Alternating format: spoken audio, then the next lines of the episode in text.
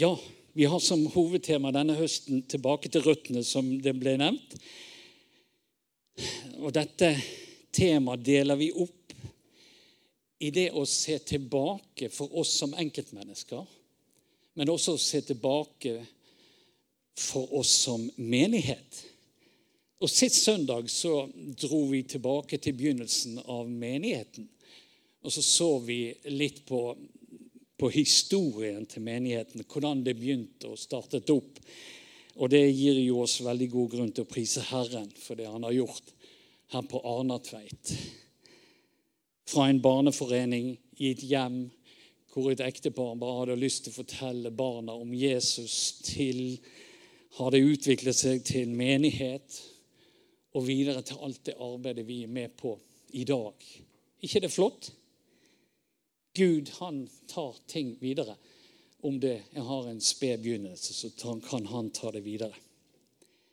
Og Guds ord oppfordrer oss til å se tilbake i takknemlighet på det han har gjort for oss. Ta med Salme 103, 2. Min sjel, lov Herren, glem ikke alle hans velgjerninger. En av disse gode oppfordringene. Gud er god. Vi skal òg se tilbake på røttene til Misjonskirken, Norge som vi er en del av. Og så skal vi se på en del av de sentrale sannhetene som er viktig for den enkelte av oss å holde fast på som troende. Når vi tar med dette som vi hørte Geir var inne på, tilbake, så er det bevisst. Vi tar Altså begrepet 'tilbake' eh, tar utgangspunkt i den muligheten at vi kan ha forlatt noe i våre liv. Enten bevisst eller ubevisst. Bibelen taler flere ganger og på forskjellige måter om faren for at det kan skje i våre liv. Så ved siden av det å se tilbake i, i takknemlighet for hva Gud har gjort, så skal vi òg fokusere på en fare for å forlate det gode og sanne som Gud har gitt oss i vår tro. Et par eksempler på dette her som er ganske innlysende. Johannes' åpenbaring eh, fra det andre kapittelet. Men dette har jeg imot deg at du har forlatt din første kjærlighet. Tenk på hvor du sto før du falt. Vend om og gjør igjen dine første gjerninger. Altså, det har skjedd noe. Han sier du må gå tilbake til det første. Det er der du begynte. Og dette blir et tema i en annen tale seinere i vår. Men jeg bare tar det med nå. Og så sier Jesus noe sant til disiplene i en helt annen setting som vi kjenner godt. Han sier nemlig 'våg og be om at dere ikke må komme i fristelse'.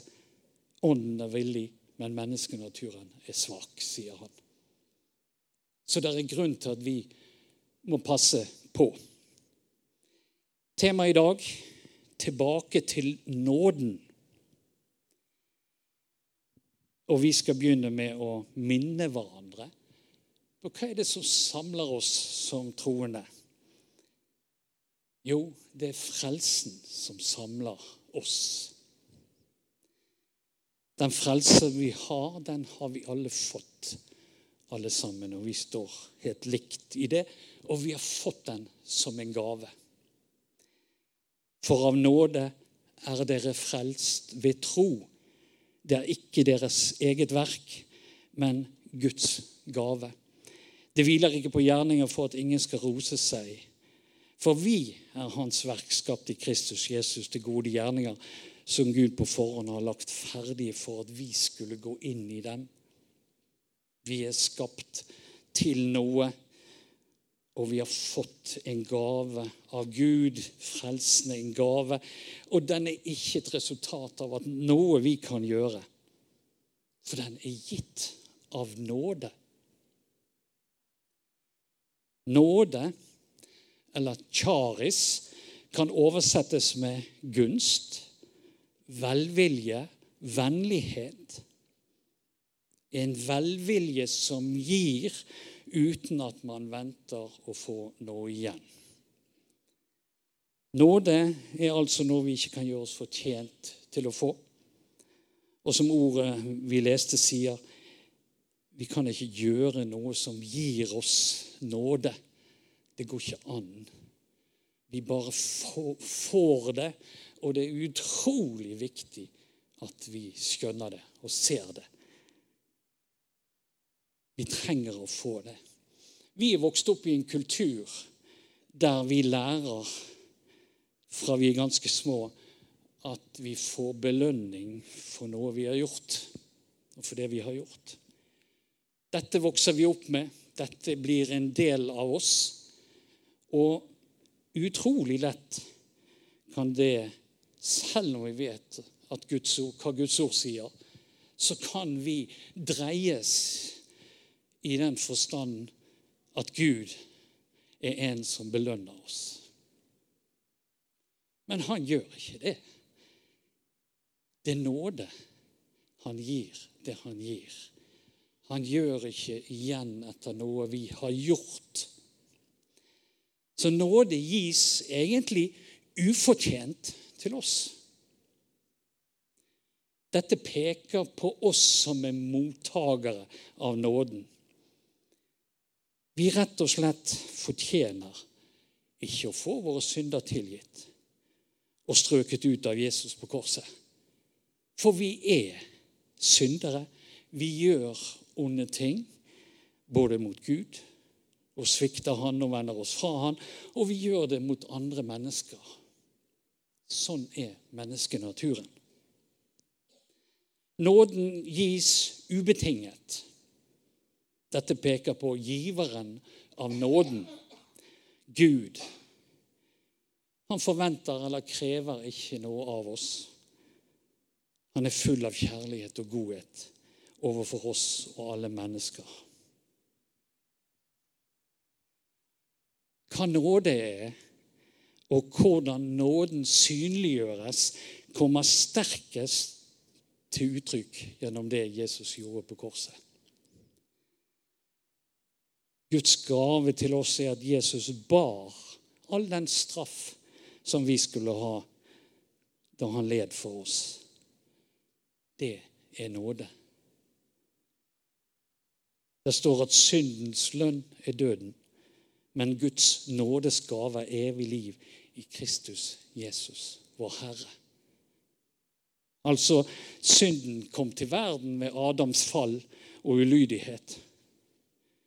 Og etter en tid så ga Gud oss loven for å synliggjøre synden og den avstand det hadde skapt til Gud. Men Gud sjøl griper inn og tar et oppgjør med synden og den avstand som dette skapte mellom han og oss. Jesus kom for å oppfylle, oppfylte loven, og i det ga Gud oss evig liv gjennom hans lidelse på korset.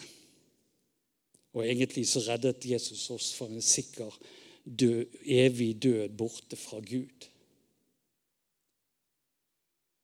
Så Derfor kunne Paulus si i Romane 5, som vi skal lese nå, 5, 19-21 Liksom de mange ble syndere av det ene menneskets ulydighet, skal nå de mange stå som rettferdige av den enes lydighet.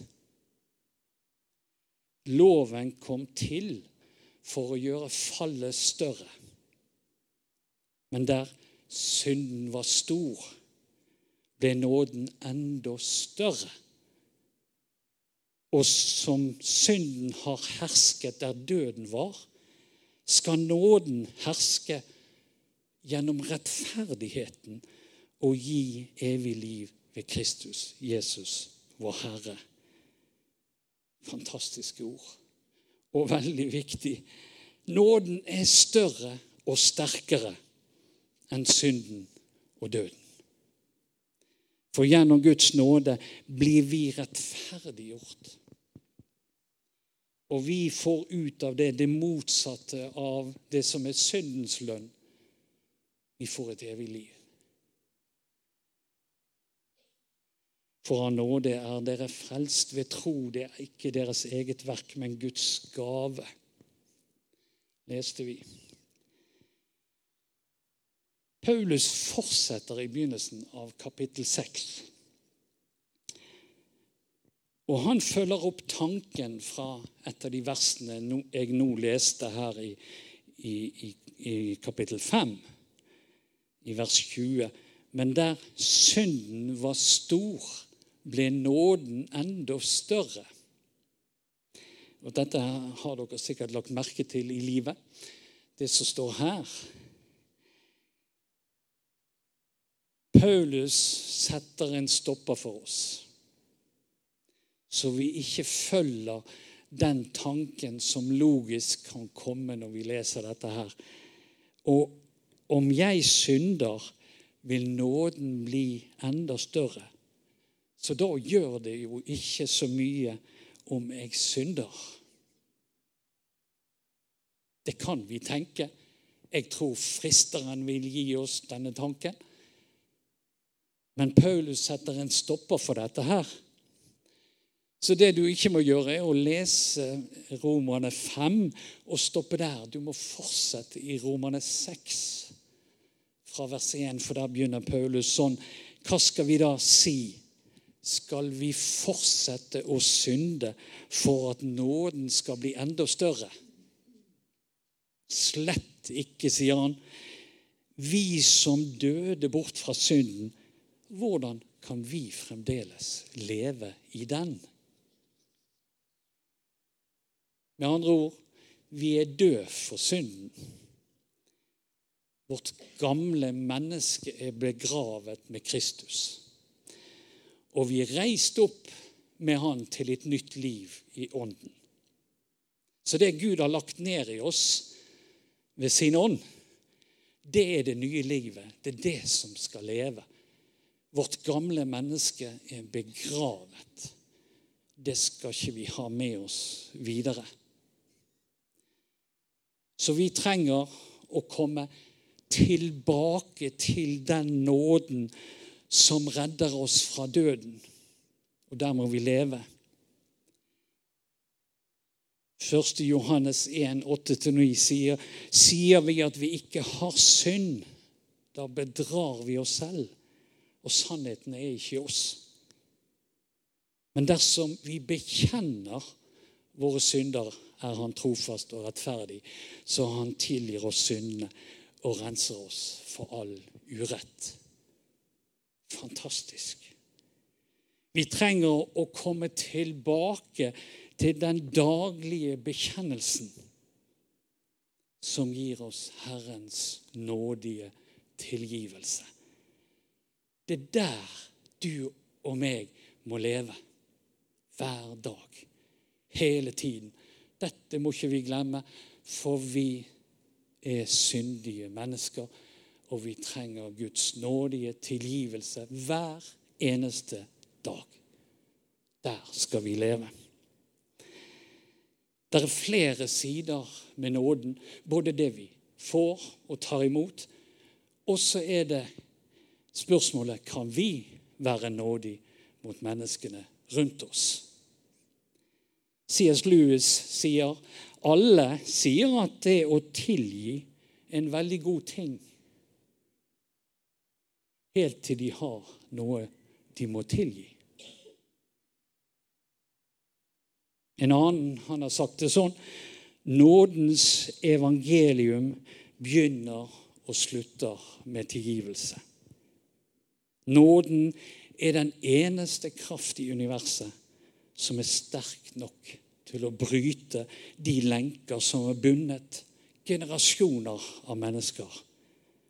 Bare nåden kan smelte unåden. Har vi fått nåde, gitt oss av Gud, så kaller Gud oss til i sitt ord til å være nådig mot andre. Ja, til og med de som gjør vondt mot oss. Er din uvenn sulten, så la han få mat. Er han tørst, så la han få drikke. Gjør du det, samler du glødende kull på hans hode. La deg ikke overvinne av det onde, men overvinn det onde med det gode, sier Paulus her i Romane 12. Noen av dere har hørt om Dietrich Bonhoeffer. Han, tysk, han var en tysk pastor og teolog og antinazist. Han hadde en menighet i London, bare for å plassere den litt. Og der Iktus, Forest Hill Congregation, har sine samlinger, det er i Bonhoeffer Church i London. Så der var denne mannen og hadde menighet under krigen, eller på den tiden. Han har skrevet bøker og sagt veldig mye flott. Og han har sagt mens han ble forfulgt i Nazi-Tyskland, så fulgte han Jesu bud. Be for den som forfølger dere. Han skriver gjennom bønnen går vi fram til vår fiende, stiller oss ved hans side og ber for ham overfor Gud. Altså når vi ber så stiller vi oss på siden av vår fiende, og så ber vi til Gud for dette mennesket. Jesus lover ikke at, vi at hvis vi velsigner vår fiende og gjør godt mot dem, så vil ikke de utnytte oss og forfølge oss. Det vil de sikkert. Men ikke engang det kan skade eller overmanne oss så lenge som vi ber for dem. Vi gjør i deres sted det de ikke selv kan gjøre. De kan ikke be, vi kan be, og vi kan be for våre fine. Vi kan stille oss opp ved siden av dem og be for dem. Tilgivelsens kraft er stor. Og der er skrevet utrolig mye om det. Mange historier og romaner osv. Og, og de beskriver både behovet for å få tilgivelsen og trangen i et menneske til å bli tilgitt. Noen historier kjenner dere. Le Miserable av Victor Hugo er ganske kjent. Og så finner dere også andre som dukker opp i aviser, som ikke er så kjent. Som tilståelsen til Henry Alexander. Den kom 36 år etter at han som et Ku Klux Klan-medlem hadde vært med på å ta livet av en svart lastebilsjåfør. Henry Alexander hadde i alle år hevdet at han var uskyldig og han ble frikjent. Men mot slutten av sitt liv kunne han ikke holde på sannheten lenger.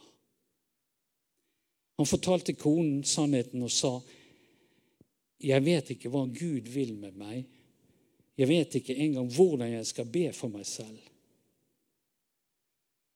Noen få dager etter døde han.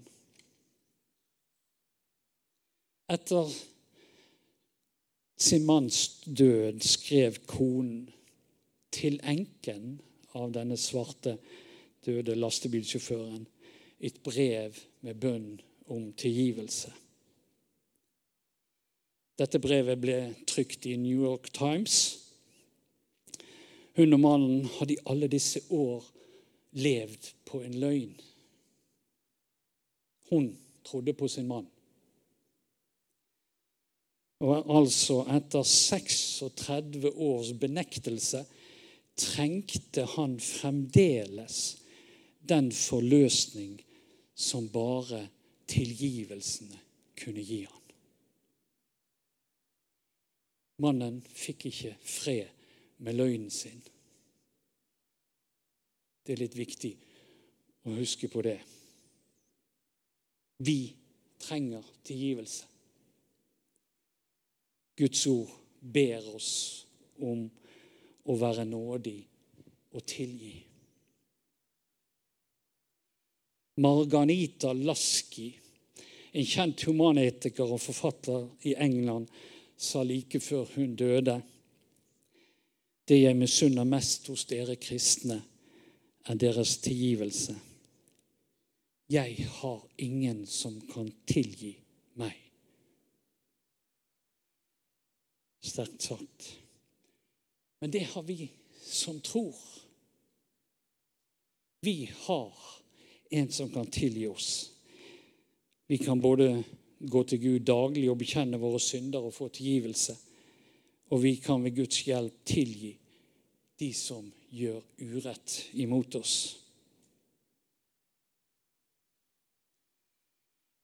Noen ganger skjer ting på en ja, gudfeldig måte, om du vil. Dette er en sann historie fortalt av en som heter Jerry Jenkins, in 'Treasure by Mistake'. Han forteller om en mann som ble vekket av en telefon om natten.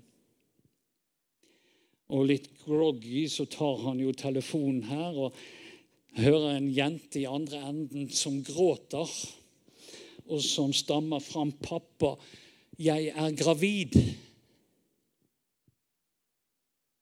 Sjokkert og nå vantro tilgav han henne og ba med henne der i telefonen om natten. Dagen etter så skrev han og hans kone to brev til deres datter som inneholdt råd og kjærlighet. Tre dager senere så mottok denne mannen en ny telefon. Hans datter var sjokkert over disse brevene hun mottok. Hun var ikke den som hadde ringt den natten. Det må ha vært en annen som hadde slått feil nummer. Datteren sa, 'Disse brevene er min skatt'. Virkelige kjærlighetsbrev skrevet av en gudfryktig far som ikke hadde ventet at han måtte skrive de til sin egen datter. Jeg skal sitere noe av det som faren skrev. Selv om jeg gråter på innsiden, kan jeg ikke fordømme deg, fordi jeg synder selv. Din synd er ikke verre enn min. Den er bare annerledes. Selv om mitt hjerte ikke roper ut og elsker å beskytte og forsvare deg som det gjør, forteller Det nye testamentet meg at jeg ikke kan ta imot tilgivelse selv og være tilbakeholden med den overfor andre. Videre skriver han vi kan ikke si at Gud er grunnen til syndige fall.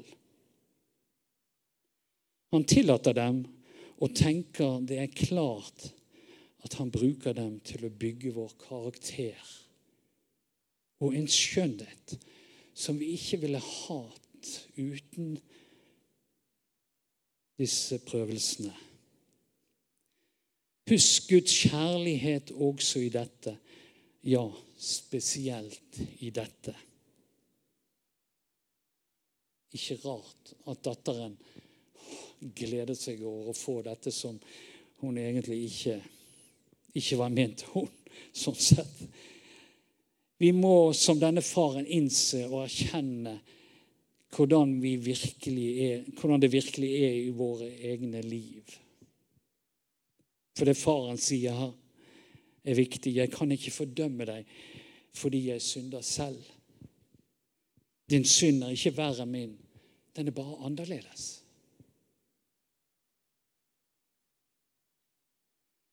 Det er viktig at vi som kristne er ekte med vår synd overfor Gud og overfor våre medmennesker. Og hvordan er vi som menighet overfor våre medmennesker? Overfor de som sliter, de som ikke får det til i samfunnet rundt oss? En kvinne som prostituerte seg selv og datteren for å få fatt i narkotika, ble spurt om hun hadde tenkt å oppsøke en kirke for å få hjelp. Jeg glemmer aldri uttrykket hennes da hun svarte. Hvorfor skulle jeg gå dit? Der ville de få meg til å føle meg enda verre enn jeg allerede gjør. Han som forteller dette, arbeider blant de forkomne menneskene i Chicago. Ser vi i Bibelen, så ser vi at kvinner som denne kvinnen oppsøkte Jesus. De gikk ikke fra Jesus.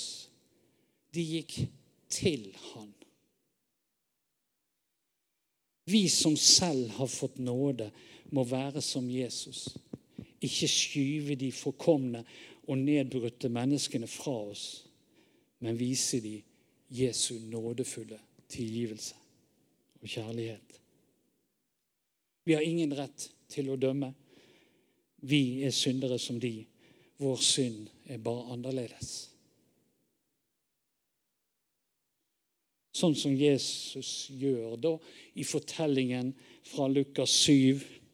En av fariseerne innbød Jesus til å spise hos seg, og han kom hjem til ham og tok plass ved bordet.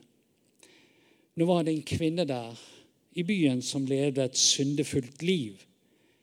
Da hun fikk vite at Jesus var gjest hos fariseeren, kom hun dit med en alabastkrukke med fin salve.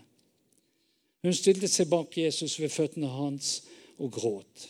Da begynte hun å væte føttene med hans, hans, med tårene, og hun tørket dem med håret sitt, kysset dem og salvet dem med salven.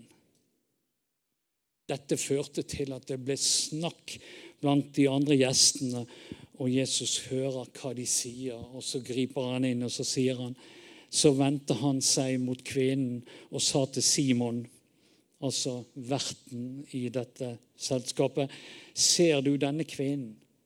Da jeg kom inn i ditt hus, ga du meg ikke vann til føttene, men hun vettet dem i sine tårer og tørket dem med sitt hår. Du ga meg ikke noe velkomstkyss, men helt fra jeg kom, har hun ikke holdt opp med å kysse føttene mine. Du salvet ikke mitt hode med olje, men hun salvet mine føtter med den fineste salve.